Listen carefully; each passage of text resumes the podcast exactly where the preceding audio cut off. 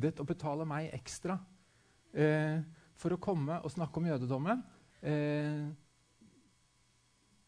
hvorfor er jødedommen prioritert inn i eh, dette emnet eh, og i dette, denne undervisningsplanen? Det er i hvert fall ikke pga. statistikken. Ikke det handler ikke om hva skal vi kalle det, demografiske muskler. Demog altså, Demografi er tegningen av folket. Dere kan jo gresk, dere. Alle vi kan gresk. Demokrati er folkestyre. Demografi er folketegning. Altså at du tegner, kartlegger befolkningen. Eh, hvorfor jødedommen i, i dette emnet?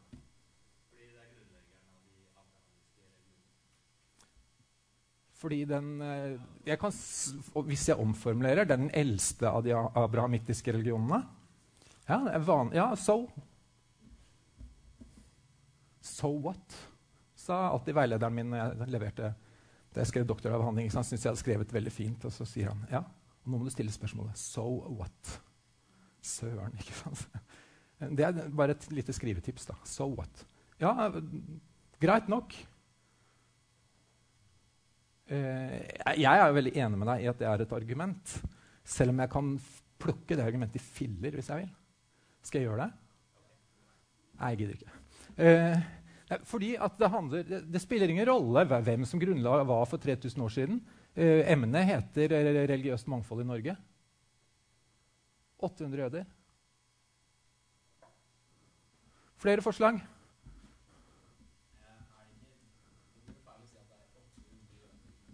Det er helt riktig at det er helt feil. Det er, eh, det er mer. Ja, altså, medlemmer i trossamfunn, så sier du det er mye mer. Hvor mye mer vil du tenke at det er? Ja, det er ikke noe dårlig tips. Det er et annet tips. Det kommer an på hvordan du teller. Det er heller ikke noe dårlig tips. Eh, I og for seg så tror jeg kanskje tallet kan eh, oppgis til mellom 5000 og 10 000. Skal vi leke litt med hvorfor det? Hvordan teller man hvis man ikke skal telle, ikke skal telle eh, medlemmer i registrerte trossamfunn? Hvordan kan Hvordan kan vi telle da? Nei, det står ikke religion på fødselsattester. Etternavn, ja. ja. Men du kan heller ikke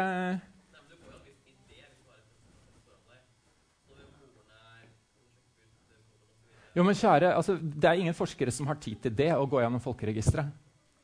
Eh, men det er, det, unnskyld at jeg sier det, men det der var en upresis eh, Hvis du skal si det sånn alle gutter som heter Daniel, er antagelig eh, jøder Det funka for 30 år siden. Det funker ikke nå, ikke sant? Og du har, eh, du har jødiske barn i eh, i Norge som heter Levin og eh, Og sånne ting. Eh, men du har også eh, jødiske familier som heter eh, eh, Jeg skal begynne å oute det, da. Altså, som har altså, Ja. Nei, men jeg syns det, det, var morsomt. Eller det var teit sagt av meg. Unnskyld. Altså, var, du har jo selvfølgelig rett. For det du er ute etter, er at det er noe som er typisk. noe som... Og det, det, med navn er jo altså, navn er jo en veldig viktig identitetsmarkør. Eh, jødiske barn i Norge i dag har veldig ofte typisk jødiske navn. Eh, mens de som er i min generasjon, eh, har ikke det. Altså de fikk Eh, de jødene som fikk barn i Norge på 60-70-tallet, de ga barna sine veldig norske navn. Min beste jødiske kamerat i, i Norge, han heter Ronny. Det var nemlig et typisk og svært populært eh, norsk navn da jeg var barn. Eh, nei, altså én måte er jo rett og slett eh, altså, et kriterium er rett og slett å si hvem er det som oppfatter seg selv som jøder. Altså, e, selvangivelsesmetoden. Jeg sier ikke at den er så mye lettere å gjennomføre. Eh, men som metode, eh, altså som prinsipp, så tenker jeg at den er bedre enn en fødselsattester og, og gjette på, på fødselsattester. Eh, hvem, hvem, er det som betrakter seg selv som jøder? Eh, og da er vi oppe i en, kanskje 1500 Men det er, det er gjetninger. For det er ingen som har løpt rundt og spurt. Like litt som noen har løpt rundt og sjekket alle fødselsattestene. Så sånn sett er min, uh, mitt forslag enn, like dårlig som ditt. Uh, men jeg tenker at det treffer mer. da. Du har et, du har et etternavn. Uh, det er mer interessant å spørre hvem er du? Ja?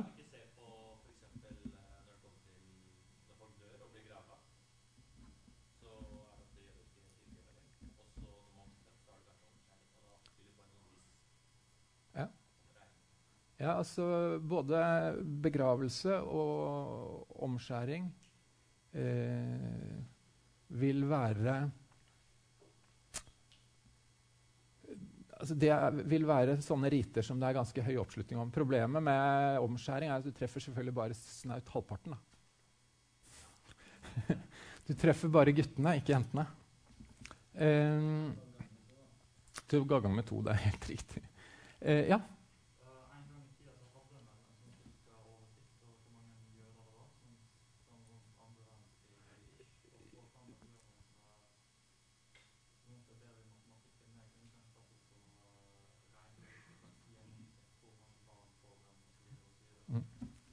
Du kan, du kan, ta utgangspunkt i når du har sikre tall, og det er helt riktig. Det, det fantes svært sikre tall i, i 1942. Problemet var jo at eh, det tallet er helt ubrukelig fordi at eh, en tredel av dem ble drept i Auschwitz.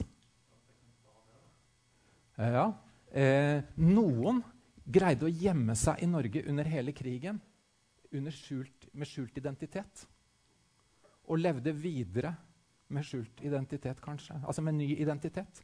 Altså på en måte bare kledde av seg jødedommen og ble norske. Altså ble norsk-norske. Skjønte dere hva jeg mente?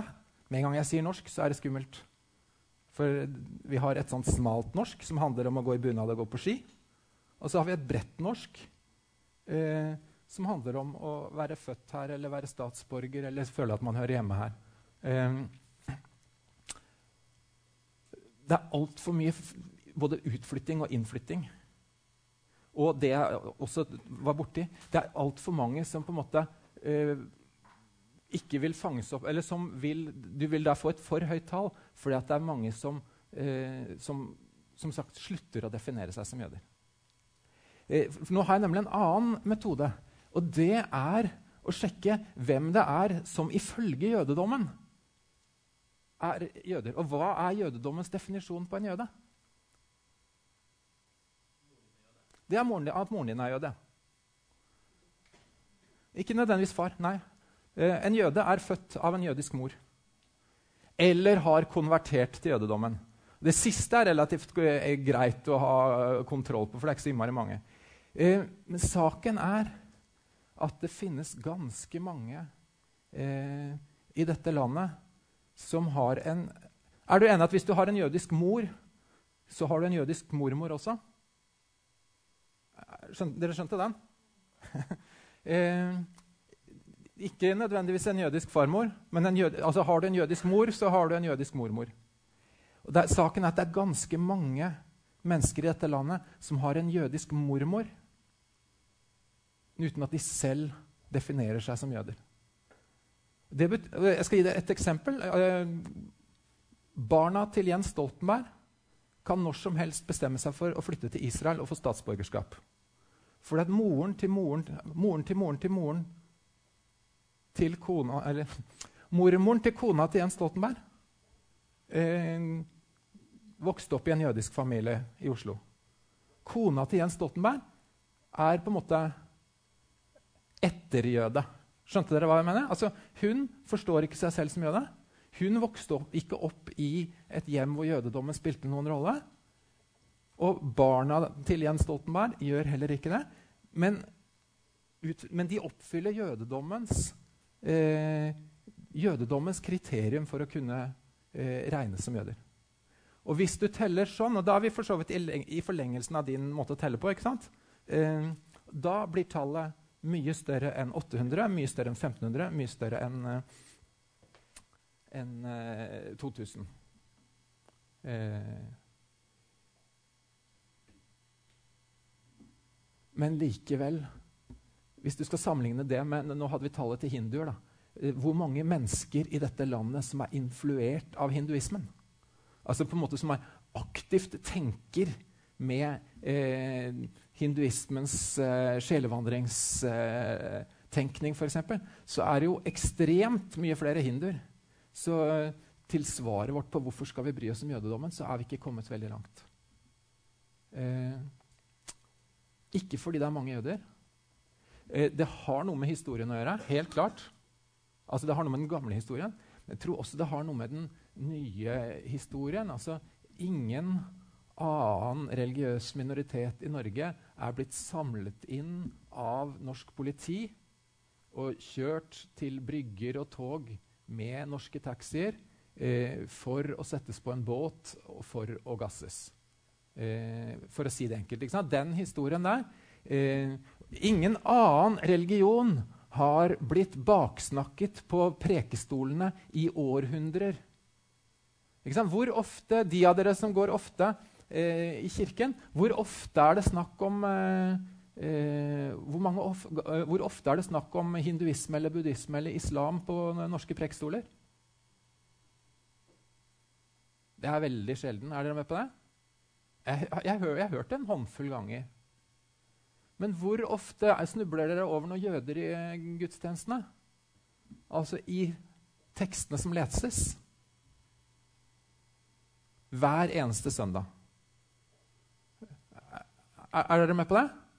Så, altså, eh, så for et teologisk fakultet eh, som representerer den eh, religionen som på en måte gjennom 1000 og snart 2000 år har eh, for å si det enkelt, baksnakket jødedommen, så er det et, eh, et ansvar, en oppgave, eh, å la jødedommen komme til orde på egne premisser.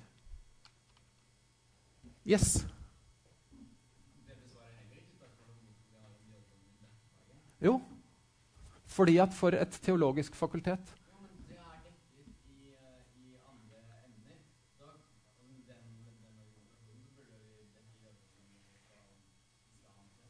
Hva sa du?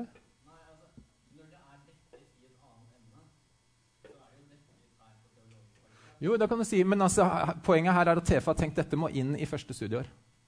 Og da er det her det hører hjemme. Gotcha. uh, det er hvert Jeg har egentlig ikke spurt. Jeg har bare sagt ja takk, jeg kommer gjerne og foreleser. jeg. Uh, men det, det, er sånn jeg, det, er sånn jeg, tenker. Uh, det har noe med at jødedommen er i spill med en gang vi diskuterer kristendom eller islam. Og da må jødedommen også få komme til orde på egne premisser. Og Der har jeg fanget opp for så vidt ditt, eh, de abrahamittiske religionene argument. Med en gang du studerer kristendommen eller islam, så er jødedommen i spill. Og da bør den på et eller annet tidspunkt komme til orde, ikke på kristendommens premisser, eh, ikke på islams premisser, men, men på egne premisser. Så har de riktignok innkalt en, eh, en, kristen teolog til å, til å forelese. Eh, men jeg, når jeg er her nå, så er jeg her for å forelese på, om jødedommen på jødedommens premisser, eh, og ikke på kristendommens. Eh, og det har jeg, jeg, kan, jeg Skal jeg røpe det? da? Altså, jeg studerte i Jerusalem og forelsket meg ikke bare i byen, men også i en dame jeg traff der. Eh, så, så, min kone er eh, israelsk jøde, medlem av Det mosaiske trossamfunn. Mine barn er medlem av Det mosaiske trossamfunn. sånn at jeg kjenner også for så vidt jødedommen i Norge sånn, eh, fra innsiden, og ikke bare fra en sånn akademisk utside. Anyway eh, det, kom, det var en mann i antikken som ville bli jøde. Nå er vi sånn omtrent omkring tiden for Jesu fødsel. Uh, og han sa, gikk til en uh, jødisk lærd som het Shamai, og sa 'Lær meg jødedommen på ett ben'. Altså på stående fot. Er det sånn at jeg faller inn og ut av høyttaleren her? Eller er det bare at jeg står forskjellige steder hvor jeg hører Jeg er den samme hele tiden? Ok. Uh, lær meg jødedommen på stående fot. Det er nok et ordspill her. Uh, hvilket språk snakket Dette var en romersk soldat. Hvilket språk snakket han? Hvilket språk snakker romerske soldater? Latin, ja. Eh, hvilket språk snakker jødedommen? Hebraisk og arameisk. Men enkelt, la oss si hebraisk. Just når man skulle snakke sammen på den tiden, så snakket man gresk. Så kanskje snakket de gresk. eh, nå skal du høre. En fot, eller et ben, på hebraisk heter regel. Og Kanskje her er det et ordspill som fungerer. Altså, Lær meg jødedommen på én regel. Altså som en regel, som en setning, et utsagn. Fordi at det på latin heter regula. Altså lær meg jødedommen enten på stående fot eller som en regula. En regel eller en regula. Skjønner du hva jeg mener? Kort og godt i én setning. Shamai sa 'glem det, stikk'. Har dere sett på Sex and the City når Charlotte vil eh, konvertere til jødedommen? Og får døra i trynet, ikke sant? Eh, man lærer ganske mye jødedom av å se på amerikanske filmer og serier. Eh, og hun blir helt fortvila helt til hun sier ah, They're playing the getting get, Hva er det? Get, be, hard, they're playing the hard to get game. I invented that game, sier Charlotte. Eh, altså, poenget er jo at jødedommen er ikke eh, veldig interessert i at folk skal eh, Det er ikke noe mål for jødedommen at hele verden skal bli eh, jøder. Det er et mål for kristendommen at hele verden skal bli kristne, men det er ikke noe mål for jødedommen.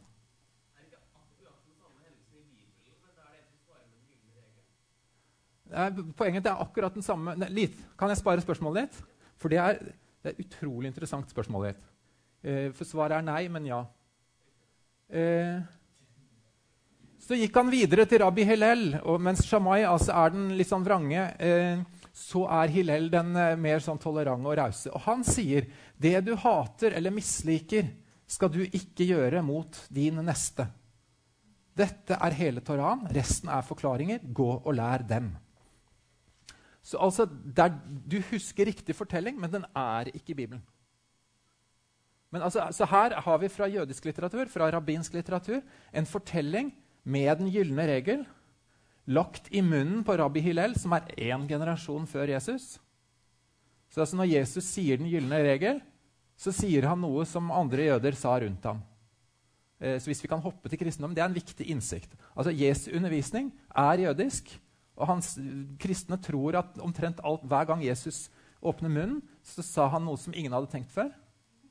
Eh, men saken er at hver gang Jesus åpner munnen, så sa han nesten alltid noe som noen hadde tenkt før som kan finne i Det gamle testamentet eller finne i annen jødisk litteratur fra den tiden.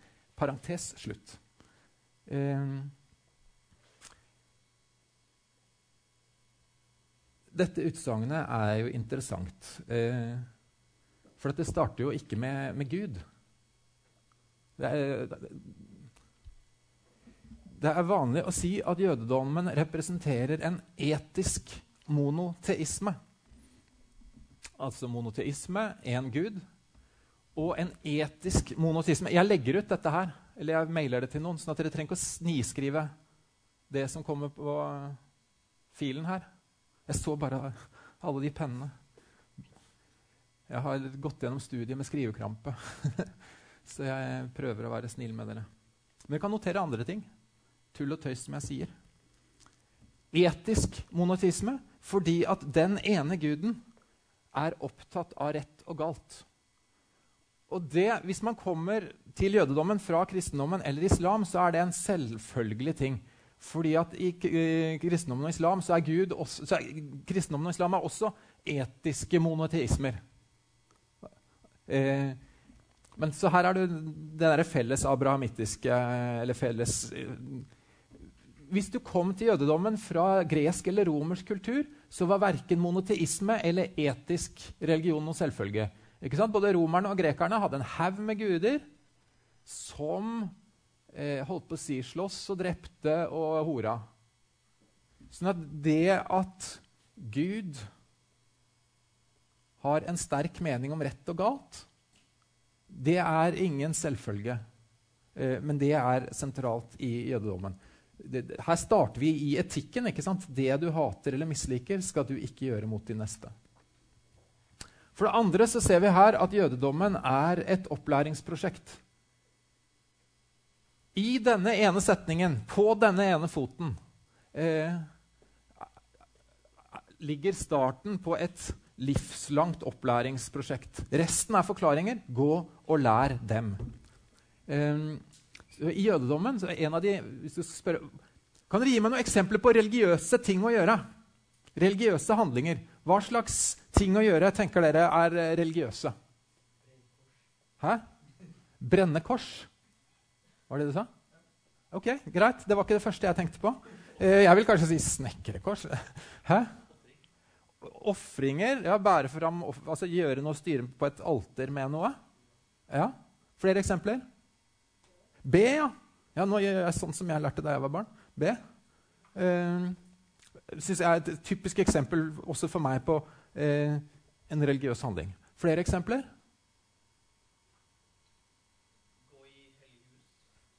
Ja, Ikke bare gå der, men på en måte være med på det som skjer der. ikke sant? Delta i gudstjeneste. Ja. Uh, ja, så da, Der er du på en etisk Ja, leve rett og godt. Enig? Faste kan være absolutt. Og det som ingen av dere har sagt nå, som vil være en av de mest typiske religiøse handlingene å gjøre i jødedommen, er å studere. Altså det å lære. Det ligger i dette at jødedommen er et opplæringsprosjekt. At det å studere, eller det å delta i læringsaktiviteter, det er en av jødedommens viktigste religiøse handlinger. Hva skulle en si? Det var en hånd til.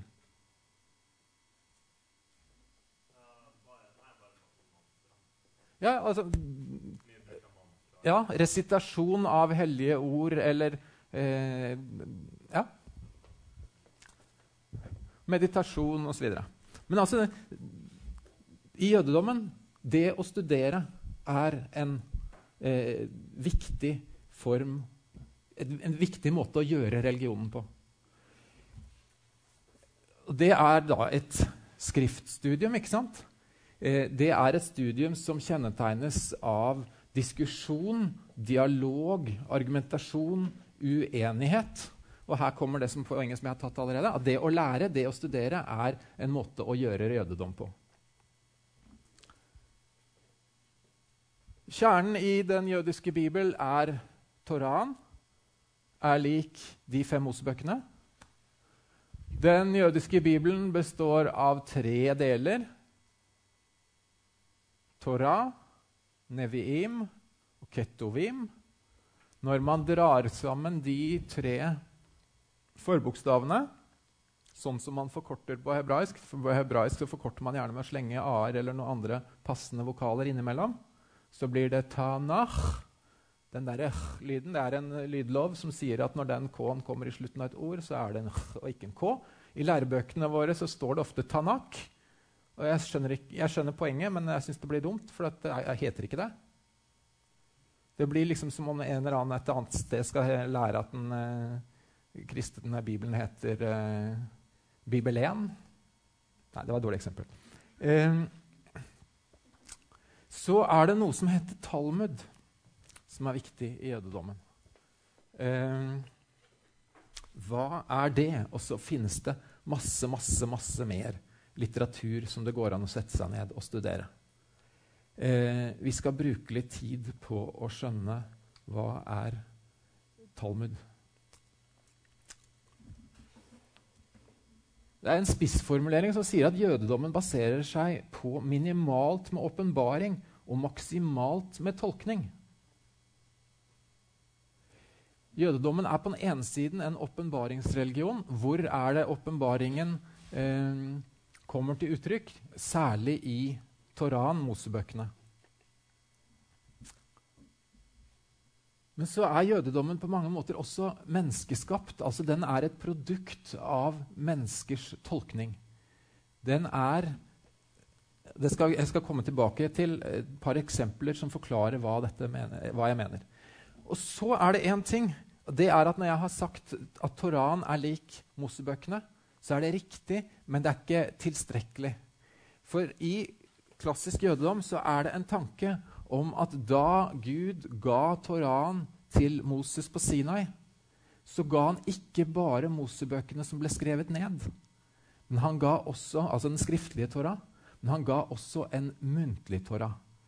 Tolkningsprinsipper, eh, tillegg.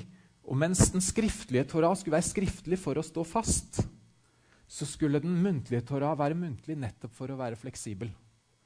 Eh, og er den, altså Tankegangen er at denne muntlige Torah som Gud ga, det er den som da hundrevis av år senere blir skriftliggjort i det store verket som heter Talmud. Og her ser dere eh, Talmud er en bokkilometer.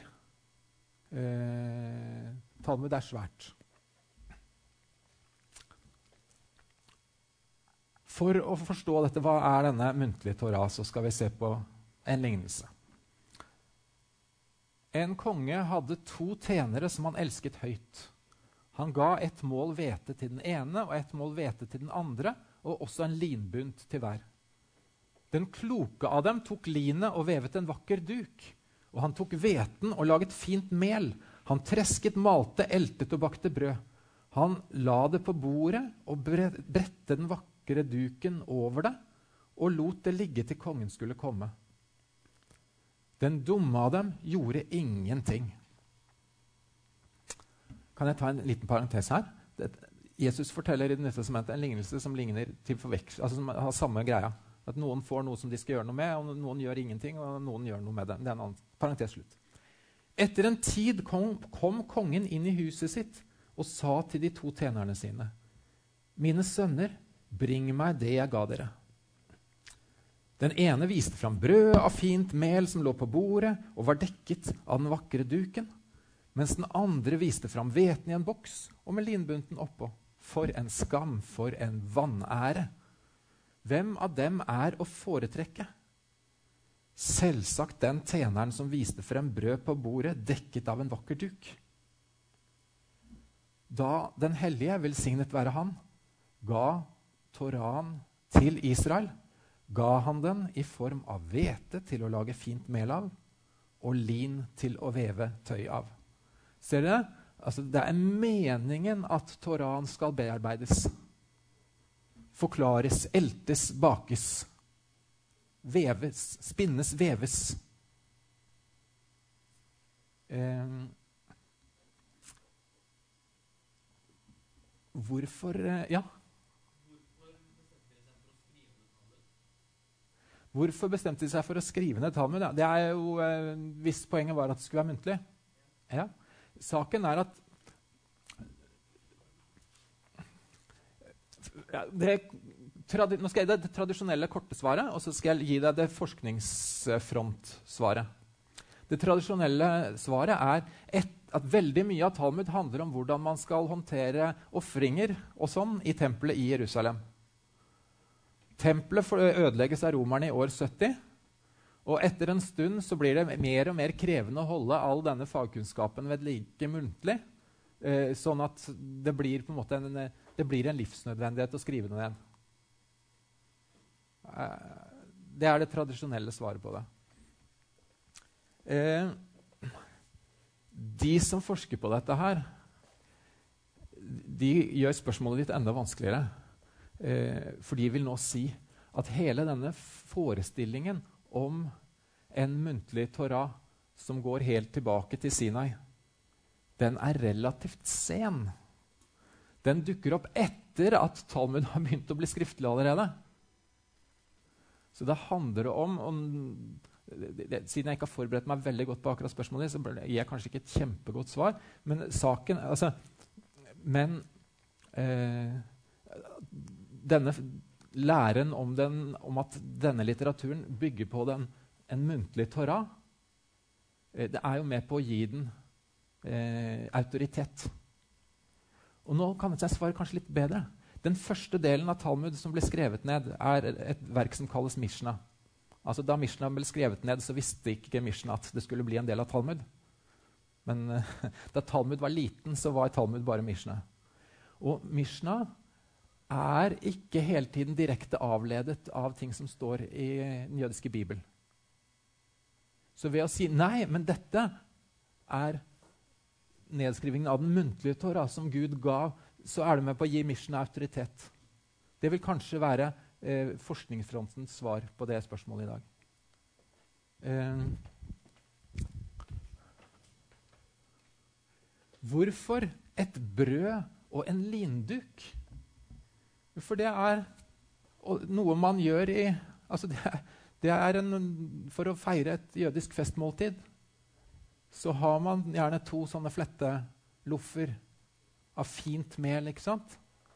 Og med en linduk over.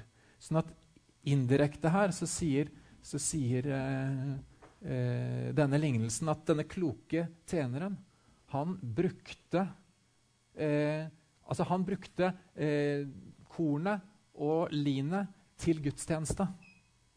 Mens han andre brukte ikke noen ting. Den kloke tjeneren gjorde jødedom av det. Og det er det, det er det Toran skal brukes til. Det er å lage jødedom av den. Eh, så her er det et lag som man da ikke ser før man stiller det spørsmålet. Hva er det, hva er det brødet og duken symboliserer? Så jødedommen altså For eksempel da, i, den, i Mosebøkene så er det dødsstraff for det meste. Ikke sant? Og det er ikke så vanskelig for kristne å holde for de sier ja, det er bare Det gamle testamentet. Men for jødene som sier dette er, dette er that's, This is it. Hva, hva skal de si om, uh, om, det? Hva gjør man? Man tolker. Man innfører så mange forutsetninger og ting som må være sånn at, sånn at jødedommen overlever ved å forandre seg. Og hvis man på en måte bare har lest eh, Mosebøkene, så er det skrekkelig mye jødedommen som man ikke skjønner bæret av. For man må skjønne, man må studere denne eh, omtolkningshistorien. Eh, ok. Eh, jo, jeg tar bare den, og så tar vi pause. For det skaper det paradokset at jødedommen på en måte forandrer seg til det ugjenkjennelige.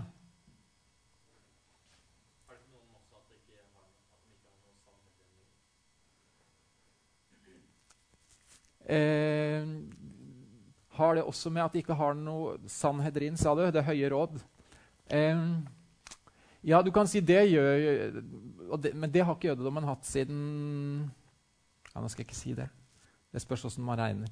Eh, du kan si at den ikke har noen sånn sentral autoritet. og Det gjør selvfølgelig at du har forskjellige, eh, forskjellige retninger innenfor jødedommen som ikke på en måte har en felles pave eller et felles eh, øverste råd.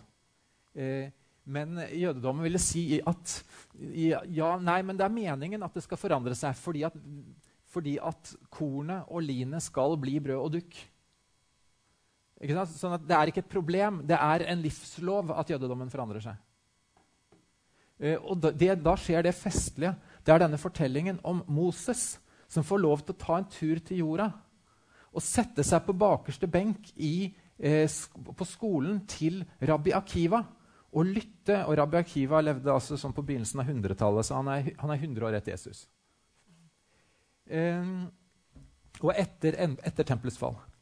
Så sitter Moses der og hører Rabbi Akiva diskutere med studentene sine. Og så Moses, han som fikk Toraen De sitter og studerer Torah. I was there, ikke sant? Og så sitter Moses på den bakerste, på den åttende raden. Og så skjønner han ikke bæret. Og følte seg svært liten. Da Rabbi Akiva kom til et spesielt tema, spurte disiplene Rabbi, hvor har du dette fra? Og Akiva svarte, det er veiledning til Moses på Sinai. Og Da kunne Moses reist seg opp og sagt, 'Sorry, det er meg. Det er feil. Dette har jeg aldri hørt før.' Er dere med? Det vil være den logiske, logiske reaksjonen fra Moses. Du prater tull! Men det som står, er at Moses ble på en måte Da ble han rolig. Ok, dette er veiledning til Moses på Sinai. Så selv om jeg nå ikke skjønner det, så er det fordi at jeg sitter der midt i melposen og skjønner ikke at den Og jeg kjenner meg ikke igjen når jeg plutselig sitter i et brød. Er, er dere med? Så, altså, jødedommen på en måte programmatisk aksepterer at den forandrer seg. Moses slapper av og sier så lenge dette er veiledning til Moses på Sinai, så gjør det ikke noe om jeg ikke helt skjønner det. Da setter jeg meg ned og lytter rolig. Da er vi, da er vi på, på, rett plass. Ok. Mest av hensyn til meg. Kan vi ta ti minutter pause istedenfor 15? Vi er så veldig glad i å undervise dette stoffet. Eh, er det greit? Ja. Fint så, så, deler ut, så, deler jeg ut, et par ark i, i pausen.